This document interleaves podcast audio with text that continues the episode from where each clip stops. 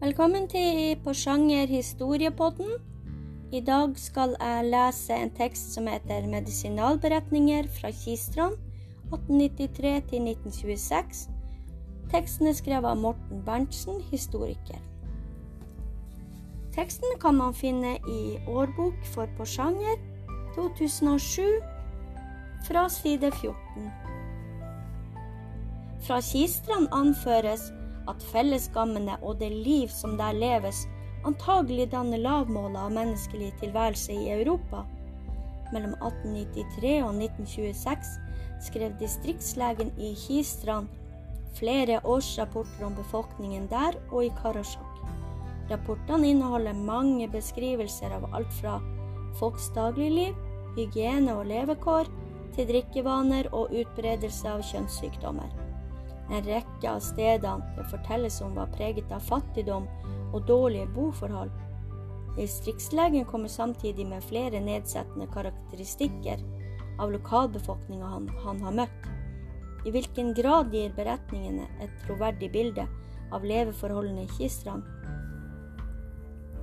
Kistrand utgjorde sammen med Karasjok et legedistrikt i perioden til tross for ulempene det innebar, hadde distriktet bare ansatt én lege i Kistrand. De store avstandene og fjellstrekningene uten veiforbindelse gjorde det vanskelig for folk å få behandling.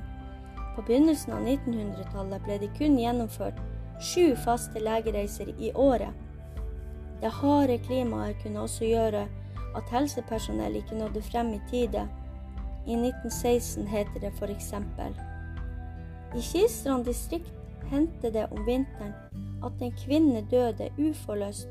Hun bodde på østsiden av fjorden og lå i tre dager uten at kunne få bud efter jordmor, fordi fjorden på grunn av uvær var ufarbar.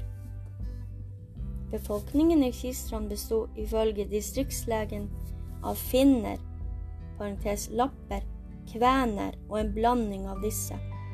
Kvenene var i flertall innerst i Porsangerfjorden og østover. I tillegg er sjøfinner og fjellfinner omtalt. Kun et fåtall av innbyggerne kunne tale noenlunde ordentlig norsk. Fiske var alt et, etter alt å dømme den viktigste næringsveien i Kistrand. Spesielt viktig var vårfiske, selv om det også var de som fisket hele året. Befolkningen i Lakselv var ifølge nedtegnelsen for 1895 særlig opptatt av laksefiske om sommeren, både lovlig og ulovlig i elven. Under seifiske på sommeren deltok fiskerne gjerne i større lag på tolv mann med fire båter og not. I alt skal tolv Nei, beklager. I alt skal ni til ti slike lag holdt til i Kistrand mot slutten av 1800-tallet. Seien ble byttet mot mel hos russiske handelsfolk, noe som kom godt med under vinteren. Fisket ble avbrutt noen ganger i august og september når høyet skulle slås og tørkes. Etter fisket var husdyrhold, mest kyr og sauer, det viktigste næringen. I Karasjok var reindrift hovednæringen. Husdyrholdet var et vanlig kvinnearbeid, i tillegg til å lage klær av ull og skinn, samt veving. Mannen hadde i stedet oppgaven med å se over kjøttgryter og fiskegryter, i hvert fall når han var hjemme, skal vi tro en beretning fra 1899. Mangel på høy gjorde det vanskelig å holde liv i husdyrene utover den lange vinteren og våren. I høyet blandet man derfor inn fiskehoder, lyng, tare og avskåret bark for å holde liv i besetninga. Dersom fisket slo feil, forsvant også muligheten til å bytte til seg russermel. Resultatet ble at kyrne ga fra seg mindre melk, eller i verste fall døde på båsen, slik det skjedde i 1903. Dette året måtte fattigkassa utvides med offentlige lånemidler og hjelp fra innsamlinger sørfra, slik at det ikke gikk folk med. I manges øyne gjør disse gaver sydfra mer skade enn gavn idet de svekker folkets foretaksomhet, heter det i en kommentar fra distriktslegen dette året. Nedtegnelsene fra Kistan tegner et dystert bilde av boligforholdene på slutten av 1800-tallet og første del av 1900-tallet. Husene var små, gjerne bare med ett eller to rom. Selv om de fleste levde i trehus, manglet det piper som kunne føre bort røyken fra ovnene. Siden vinduene var hermetisk lukket og husene ofte var overfylt med folk, kunne det bli svært dårlig luft innvendig. De hygieniske forholdene blir beskrevet som mislige. Boligene hadde tykke lag av smuts overalt. Såpe og håndklær ble sett på som unødvendige luksusgjenstander. Folk hadde gjerne for vane å sette bort oppvasken uten at den ble rengjort, noe som gikk utover den huslige hyggen, skal vi tro det legen skriver i 1899. Huslig hygge settes der som regel liten pris på. Alt er som oftest i et eneste rot, uoppvasket spisestell slenges utover bordet og benker sammen med andre levninger etter måltidene. Rengjøring av spisestell besørges først når det skal benyttes, hvis det overhodet gjøres. Den fattigste delen av Kistrands befolkning bodde i fjøskammer, dvs. Si sammen med husdyrene sine. Fattigdom gjorde at kommunen ikke tok på seg å utbedre forholdene. På 1920-tallet bodde det ennå folk i små, overbefolkede gammer, noe som ifølge kilden vår var med på å spre utbredelsen av tuberkulose og smittsomme sykdommer slik beskriver legen hvordan det han som utenforstående opplevde å tre inn i en fjøsskamme. Det er med største overvindelse man kan bekvemme seg til at gå inn i en sådan gamme, for så snart den lave dør åpnes, slår der en i møte en sådan ubeskrivelig stank at man helst ville kaste opp er man vel kommet inn innenfor, må man først vende sine øyne til mørket der inne, før man kan oppdage noe. Men til slutt får man da langs den ene vegg øye på kjørene, syrende, ofte i et antall på én til fem. På den andre vegg åtte til ti sauer, og det hender endog at der finnes hest der inne.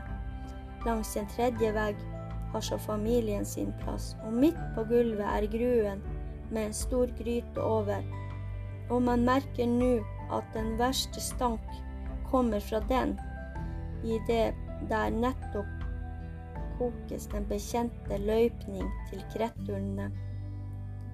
Det sørgeligste er i grunnen at se at de stakkars gustne halvpåkledde børn som ferdes der inne, og så tenke på at de må oppholde seg der hele lange vinteren. Det er jo intet at undres over om der oppvokser en svak og lavtstående slekt av dem, som henlever sin barndom og mottaker sine første inntrykk blant sådanne omgivelser. Forholdene beskrives som bedre i Karasjok, med større og lysere boliger. Men også her får befolkningen på stedet unngjeld i rapportene. Et sted heter at innbyggerne lever av at snylte på fjellfinnene. De skal i tillegg ha vært fordringsfulle, upålitelige og kranglevorne og svært utilbøyelige til å overtrede loven. Unntaket er Karasjok menighet, som like etter 1900 raget høyt opp over sine naboer.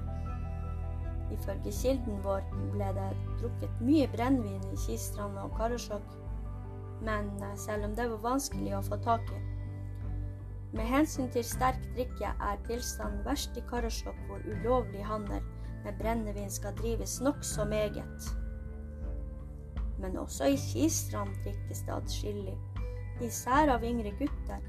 Sedelighetsforholdene i Kistrand ble betegnet som meget slette, noe som var en av grunnene til vanskelighetene med bekjempelsen av vaneriske sykdommer. I år med godt fiske bl.a. 1910 og 1911 ble det meldt om en velstandsøkning blant Kistrands befolkning som brukte pengene på å utbrede bedre boligene sine eller kvitte seg med gjeld. Med oppgangen fulgte samtidig en økning i inntak av brennevin og fyll, noe distriktslegen indignert kunne konstatere.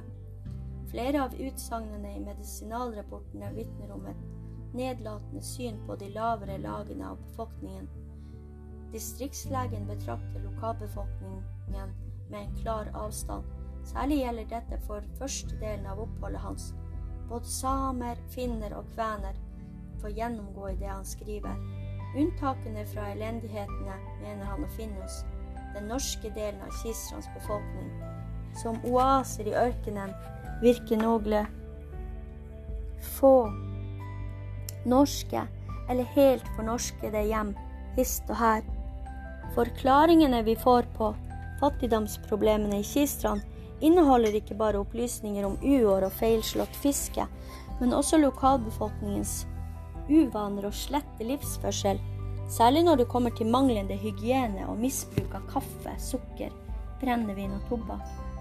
Mange av dem som fikk støtte fra Fattigkommisjonen, burde ifølge distriktslegen aldri ha fått det, siden de kom kjørende i hest og kjerre. Medisinalberetningene for Kistrand beskriver likevel mange av fattigdomsproblemene folk opplevde i Finnmark frem til midten av 1920-tallet, og er en påminnelse om at Norge ikke alltid har hatt et like høyt velstandsnivå som i dag.